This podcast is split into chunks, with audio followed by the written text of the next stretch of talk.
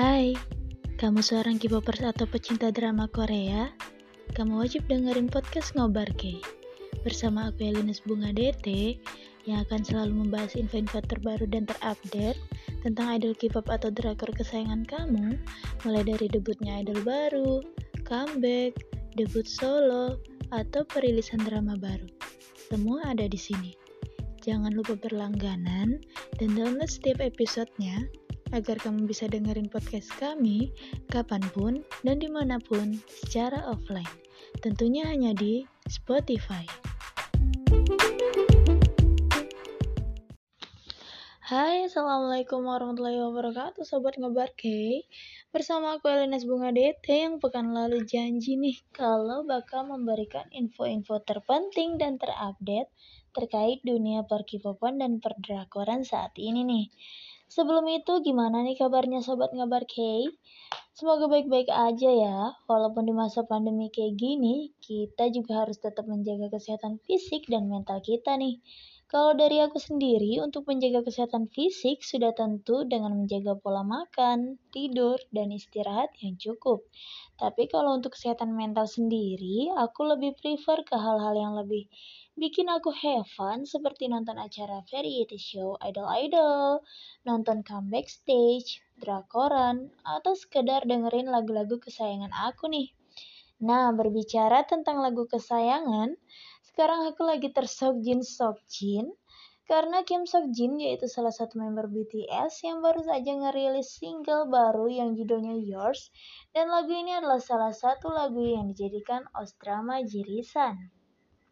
Nah, um, selain itu Yours juga debut di 45 Global Spotify chart dan menjadi OS Korea pertama yang pernah masuki chart tersebut.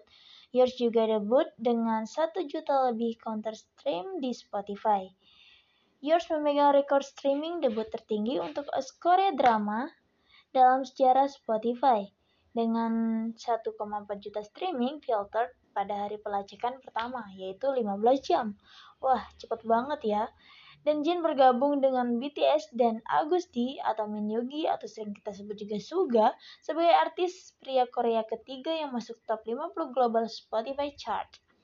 Bukan hanya di Spotify, Yours juga mencapai rekor di platform iTunes, di mana Yours telah menghabiskan dua hari di puncak Billboard iTunes Song Chart. Tak hanya itu nih, Yours juga telah mencapai peringkat 1 iTunes di 92 negara sejauh ini, di mana ini menjadikan Yours lagu solo tercepat yang mencapai peringkat 1 iTunes di 90 negara yang melakukannya hanya dalam 31 jam sejak dirilis di platform. Yours juga merupakan lagu dari artis solo Asia dengan peringkat ke-1 terbanyak di iTunes pada tahun 2021 dan lagu kedua oleh solis secara keseluruhan dengan peringkat satu terbaik di iTunes tahun ini. Wah, keren banget nih untuk Mas Jin. Apalagi untuk kalian para ARMY, pasti bangga banget melihat prestasi-prestasi yang didapatkan oleh Kim Sok Jin melalui singlenya yaitu Yours uh, sebagai os drama Jirisan. Dan kita berharap semoga Kim Sok Jin tetap bisa berkarya dan melanjutkan karyanya ini sampai nanti. Nah, um, selanjutnya nih masih ada info terpenting dan terupdate dari um, BTS ya masih um, tentang BTS yaitu di mana BTS dan Megan Thee Stallion akan tampilkan remix Butter secara langsung di AMAS 2021. Pada 9 November KST, BTS mengumumkan melalui Twitter bahwa mereka mereka akan menampilkan single hit mereka yaitu Butter secara langsung dengan Megan Thee Stallion di American Music Awards tahun ini.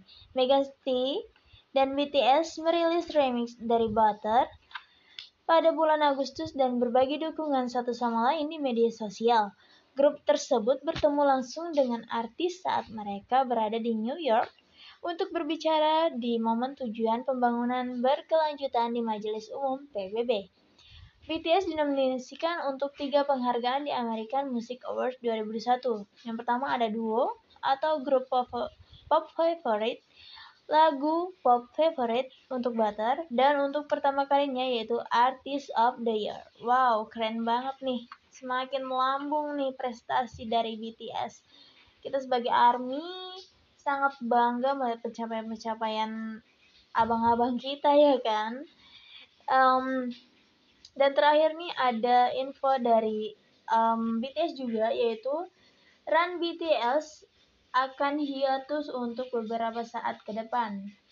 Nah, berita ini diumumkan oleh Weverse yaitu platform di mana kita bisa bercengkrama dengan abang-abang kita dari Hybe.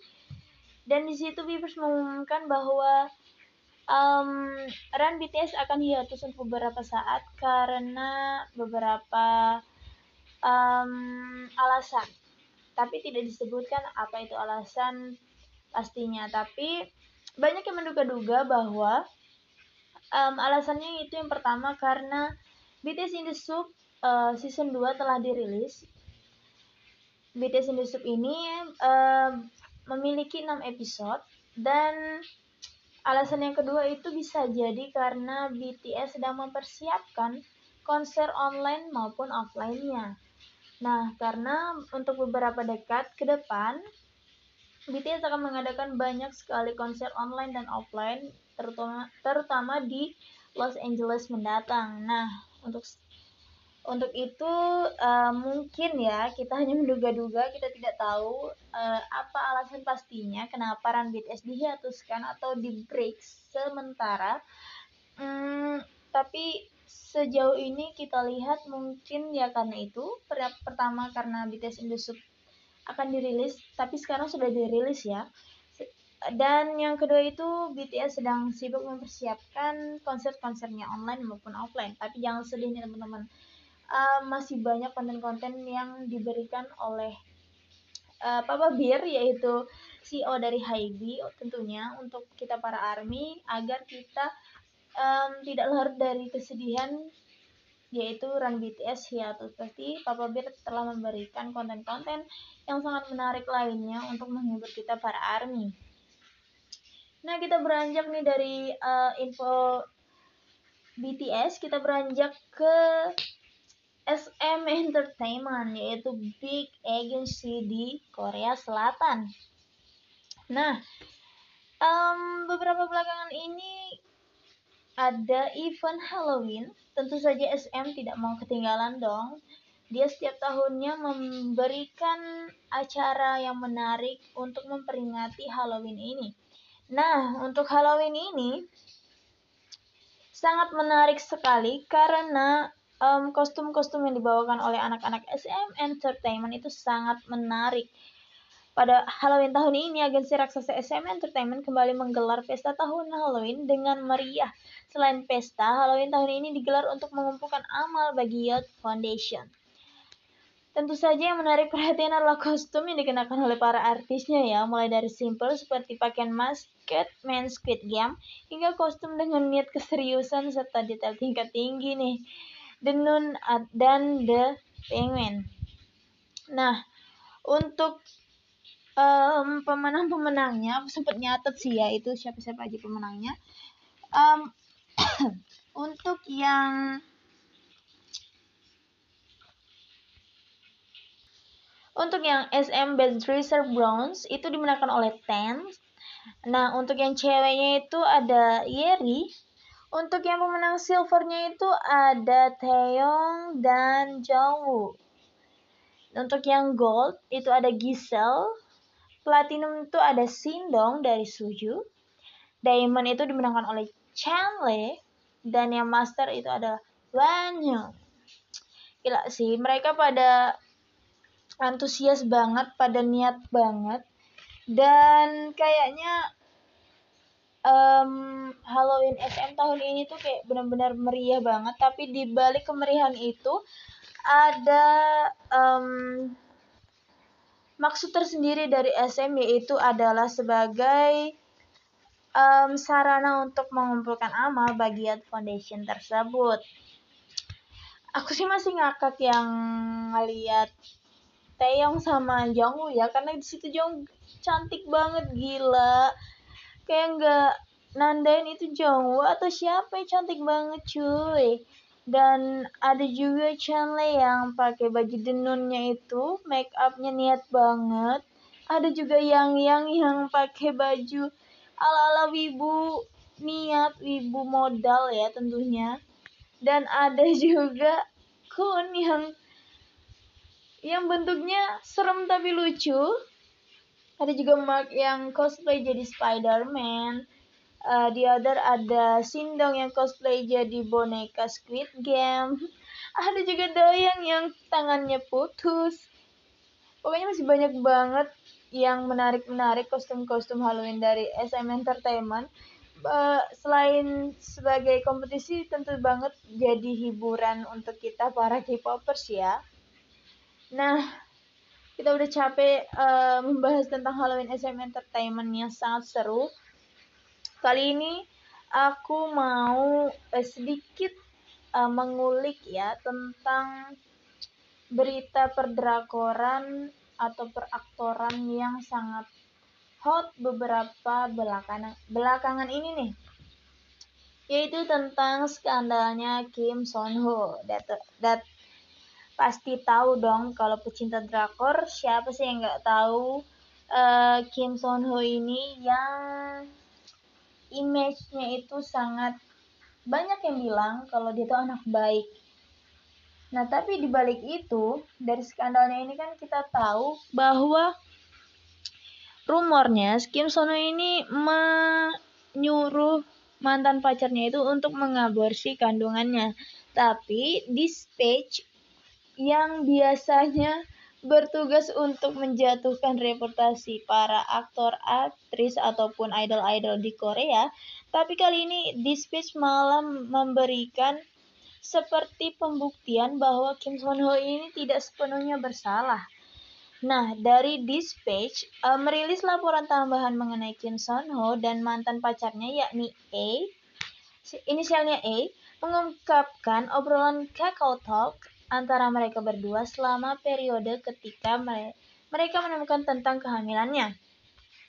Nah, singkatnya nih, di Space menunjukkan Kim Son Ho tidak pernah meninggalkan tanggapan sampah kepada A. Berbeda dengan yang ditulis A di postingan awalnya, beberapa pesan Kim Son Ho adalah, Maaf aku tidak bisa menjadi kamu sekarang.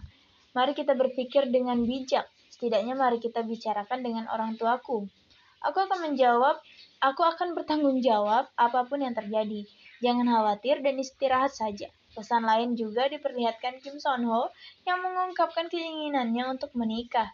Keduanya khawatir dan memiliki banyak pemikiran tentang kehamilan A dan tidak ada pesan yang ditampilkan Kim Son Ho yang menekannya untuk melakukan aborsi.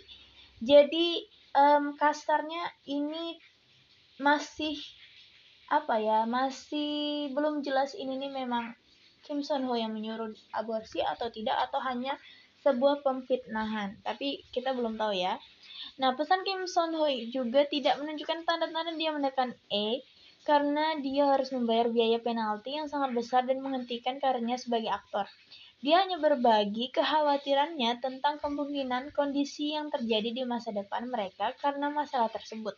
Kim Son Ho juga mengatakan bahwa kemudian mengalami kesulitan melihat dirinya tertawa dan bersenang-senang di One Night Two Days karena kondisi mereka. Ya, seperti yang kita ketahui, Kim Son Ho itu adalah bagian dari One Night Two Days yang udah berjalan beberapa waktu belakangan ini. Jadi mungkin itu sedikit mengganggu um, kegiatannya di acara One Night Two Days tersebut. Nah, hubungan Kim Son Ho dan E berjalan baik pada tahun 2020, tetapi mulai renggang pada tahun 2021 karena masalah kehidupan pribadi E. Mereka memutuskan untuk break pada bulan April, kemungkinan Kim Son Ho mengakhiri hubungan mereka pada bulan Mei. Pada akhirnya, Dispatch menyatakan bahwa Kim Son Ho bertanggung jawab atas keputusan aborsi tetapi E juga memegang tanggung jawabnya, terutama untuk kemungkinan tuduhan yang dilebih-lebihkan. Jadi bisa dibilang nih kemungkinan si A ini si mantan pacarnya Kim Son Ho itu seperti mengarang-arang cerita atau menambah-nambahkan cerita yang um, tidak benar adanya. Bahwasanya uh, seperti yang kita ketahui rumor awalnya itu kan Kim Son Ho yang memaksa mantan pacarnya itu untuk mengaborsi kandungannya. Padahal setelah dispatch telusuri tidak seperti itu adanya. Yang bikin heboh selama ini tuh kayak dispatch kan tugasnya seperti mengungkap um, kesalahan aktor, idol ataupun yang lainnya seperti kalau ada yang kencan dia yang ciduk gitu kan. Tapi kali ini dispatch seperti uh, mensupport bukan mensupport sih seperti mengulik-ngulik kebenarannya bahwa Dispatch ingin memberitahu kepada kita semua kalau Kim Son Ho ini tidak 100% uh, bersalah gitu ataupun tidak hanya uh, Kim Son Ho yang bersalah dalam kasus ini gitu. Nah untuk teman-teman semua nih um, sobat ngebar K, gimana nih untuk info-info terpenting hari ini. Sangat menarik bukan? Sangat sangat uh, bervariasi mulai dari Jin mengeluarkan single barunya Yours, kemudian kita berbicara tentang um, butternya BTS yang akan ditampilkan di Mama. Um, sorry maksud saya di Amat dan ada kita membahas tentang run BTS yang akan hiatus Terus kita membahas tentang Halloween yang diadakan oleh SM Entertainment dan terakhir adalah Kim Son Ho. Nah, jangan sampai ketinggalan podcast-podcast berikutnya. Tetap pantau podcast uh, Ngobar K di episode selanjutnya karena bakal ada info terupdate dan termenarik lainnya. Jadi jangan ke mana-mana, tetap stay dan follow terus Ngobar K. Saya Elina Ginadeng Tabau. Bye!